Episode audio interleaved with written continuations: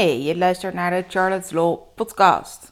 Dit is een opname van een van de video's, dus ook die kun je terugkijken.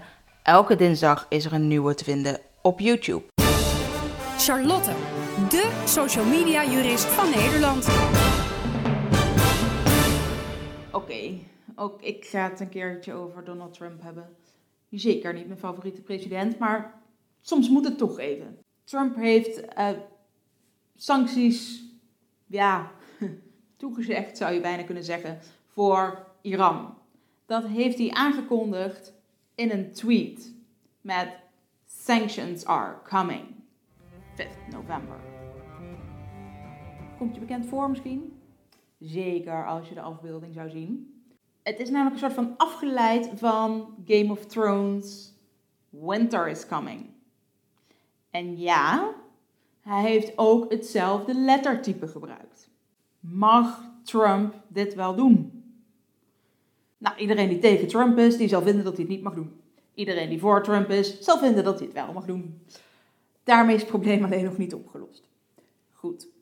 De vraag is natuurlijk een beetje: heeft hij alleen maar een idee en een stijl overgenomen? Of is het echt een schending van auteursrecht? Het overnemen van een idee en een stijl, dat is namelijk geen inbreuk op een auteursrecht.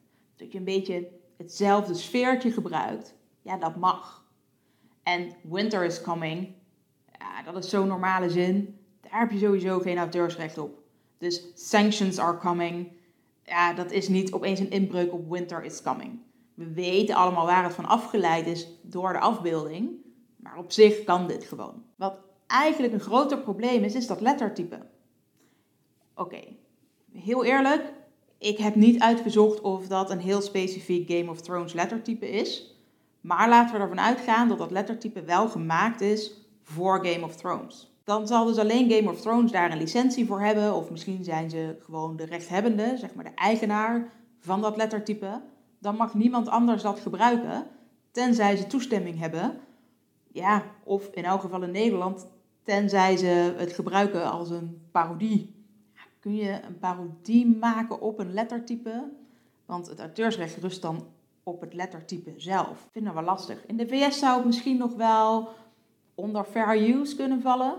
Niemand die dat wil natuurlijk, die tegen Trump is. Maar commercieel kunnen we het in elk geval niet noemen. Vallen politieke uitingen misschien niet toch onder fair use. Het lastige is dat ze heel vaak in de VS ook niet goed weten waar nou die grens van dat fair use ligt. Dat is namelijk niet zomaar een grens tussen commercieel en niet commercieel. Er zitten veel meer haken en ogen aan. Het is ook niet een vaste regel zoals we dat in Nederland kennen bijvoorbeeld. Nou, laten we het nou naar Nederlands recht bekijken. Wat mij betreft kun je op een lettertype niet een parodie maken. Of je moet dat aan het lettertype zelf veranderen. Dus is gewoon een lettertype gebruikt waar ze geen licentie voor hebben. Dan mag het dus in elk geval niet in dit lettertype zo gemaakt worden, die afbeelding.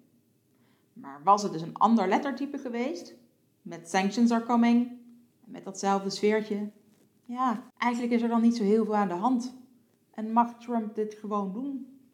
Want dan zou het een ander lettertype zijn geweest, die wel waarschijnlijk gewoon ergens legaal een licentie voor heeft gekregen. Hij haakt wat aan op de stijl van Game of Thrones, maar dat is het dan ook wel. Dus ja, toch wel toegestaan, denk ik. Jammer voor Game of Thrones.